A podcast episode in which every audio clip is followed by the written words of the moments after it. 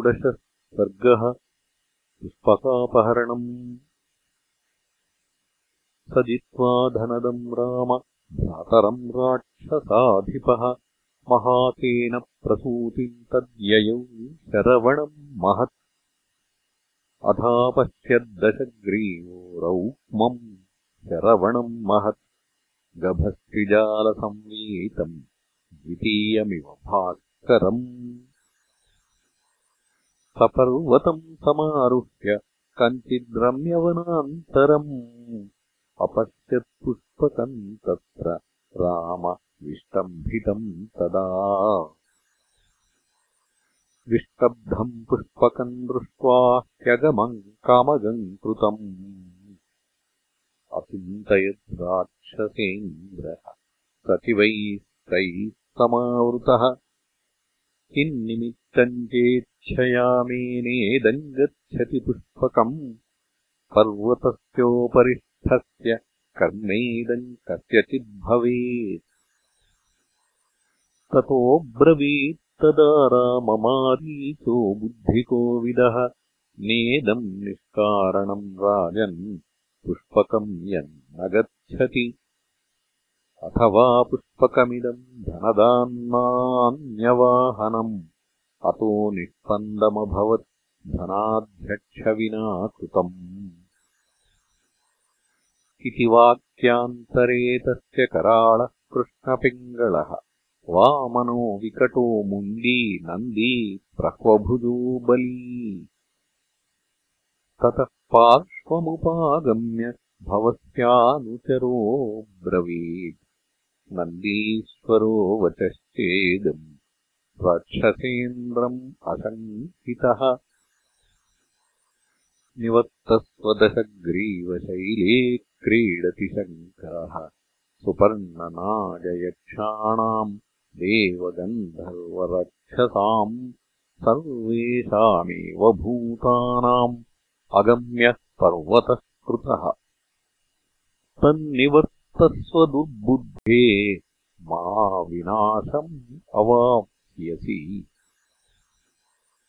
इति नन्दिवचः श्रुत्वा क्रोधात् कम्पितकुण्डलः रोषात्तु ताम्रनयनः पुष्पकादवर्ह्यसः कोऽयम् शङ्कर इत्युक्त्वा शैलमूलमुपागतः।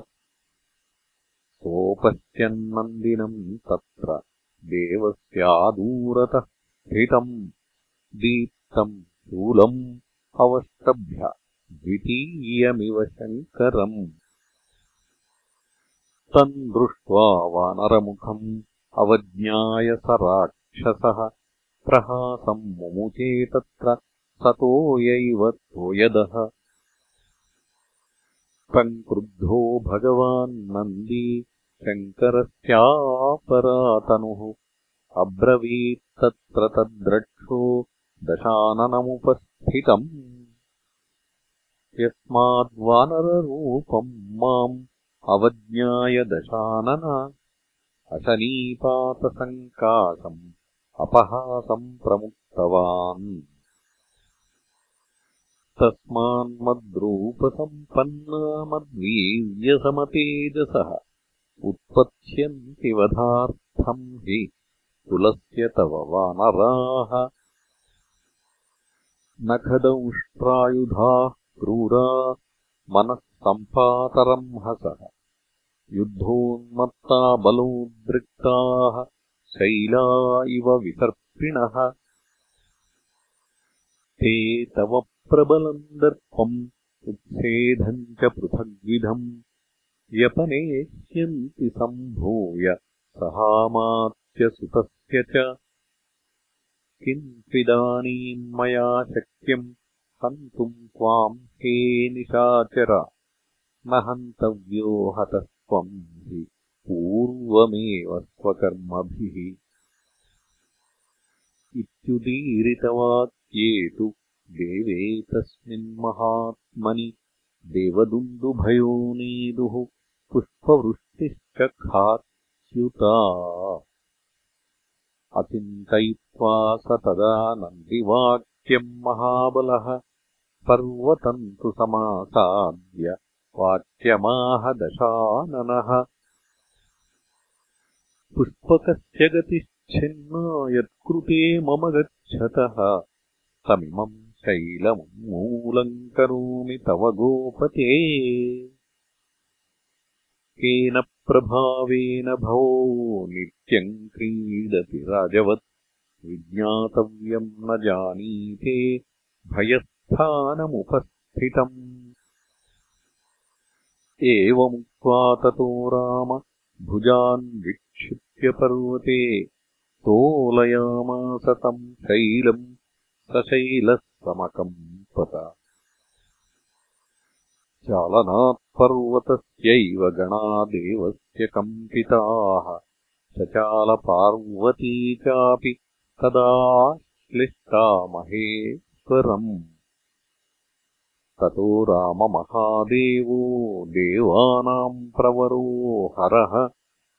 पादाङ्गुष्ठेन तम् शैलम् पीडयामास लीलया ततस्तस्य शैलस्याधोगता भुजाः। विस्मिताश्चाभवंस्तत्र सचिवास्तस्य रक्षसः। रक्षसा तेन रोषाच्च भुजानाम् पीडनात्तदा मुक्तो विरावः सहसा त्रैलोक्यम् येन कम्पितम् मेनिरे वज्रनिष्पेषम् तस्यामात्यायुगक्षये तदा वत्मस्थचलिता देवा इन्द्रपुरोगमाः समुद्राश्चापि संक्षुब्धाः चलिताश्चापि पर्वताः यक्षा विद्याधराः सिद्धाः किमेतदिति चाब्रुवन् अथ ते मन्त्रिणस्तस्य विक्रोशन्तमथाब्रुवन् कोशयस्व महादेवम् नीलकण्ठमुमापतिम्। समृते शरणम् नान्यम् पश्यामोऽत्र दशानन स्तुतिभिः प्रणतो भूत्वा तमेव शरणम् व्रज प्रसादन्ते विधास्यति एवमुक्तस्तदामात्यैः तुष्टाववृषभध्वजम्। समभिर्विविधैः स्तोत्रैः प्रणम्य स दशाननः संवत्सरसहस्रम् तु रुदतो रक्षसो गतम्। ततः प्रीतो महादेवः शैलाग्रे विष्टितः प्रभुः मुक्त्वा चास्य भुजान् राम प्राहवाक्यम् दशाननम्। प्रीतोऽस्मि तव वीर्यस्य शौण्डीर्याच्च दशानन। शैलाक्रान्तेन यो मुक्तः त्वया रावः सुदारुणः यस्माल्लोकत्रयम् चैतत्रावितम् भयमागतम् तस्मात् त्वम् रावणो नाम नाम्ना राजन् भविष्यसि। देवता मानुषा यक्षा ये चान्ये जगतीतले एवम् त्वाम् अभिधास्यन्ति रावणम् लोकरावणम् गच्छपौलस्य विश्रद्धम् पथायेन त्वमिच्छसि। मया चैवाभ्यनुज्ञातो राक्षसाधिपगम्यताम्। एवमुक्तस्तु लङ्केशः शम्भुना स्वयमब्रवीत्।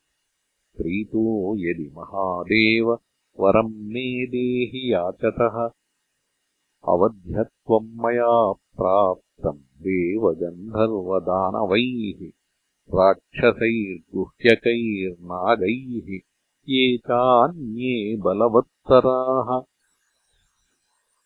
मानुषान्नगणे देव स्वल्पास्ते मम सम्मताः। दीर्घमायुश्च मे प्राप्तम् ब्रह्मणः त्रिपुरान्तक। वाञ्छितम् चायुषः शेषम् शस्त्रम् त्वम् च प्रयच्छ मे।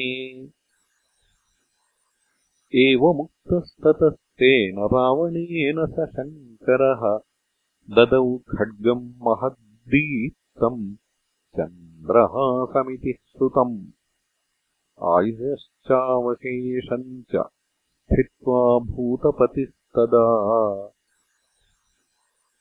दत्वोवाच ततः शम्भुः। नावज्ञेयमिदम् त्वया। अवज्ञातम् यदि हि ते मामेवैष्यत्यसंशयः। एवम् महेश्वरेणैव कृतनामा स रावणः अभिवाद्य महादेवम् आरुरोहाथ पुष्पकम्। ततो महीतले राम परिचक्राम रावणः क्षत्रियान् सुमहावीर्यान् बाधमान इतस्ततः। केचित्तेजस्विनः शूराः क्षत्रिया युद्धमद्रुमदाः तच्छासनम् अकुर्वन्तो विनेषु सपरिच्छदाः अपरे दुर्नयम् रक्षो जानन्तः प्राज्ञसम्मताः जिताः स्म इत्यभाषन्तराक्षसम् बलदर्पितम्। केचित् तेजस्विनः शूराः क्षत्रिया युद्धदुर्मदाः तच्छासनमकुर्वन्तो विनेषुः सपरिच्छदाः अपरे दुर्नयम् रक्षो जानन्तः प्राज्ञसम्मताः जिताः स्म इत्यभाषन्त राक्षसम् बलदर्पितम्। इत्यार्षे श्रीमद् रामायणे वाल्मीकीये आदिकाव्ये उत्तरकाण्डे षोडशः सर्गः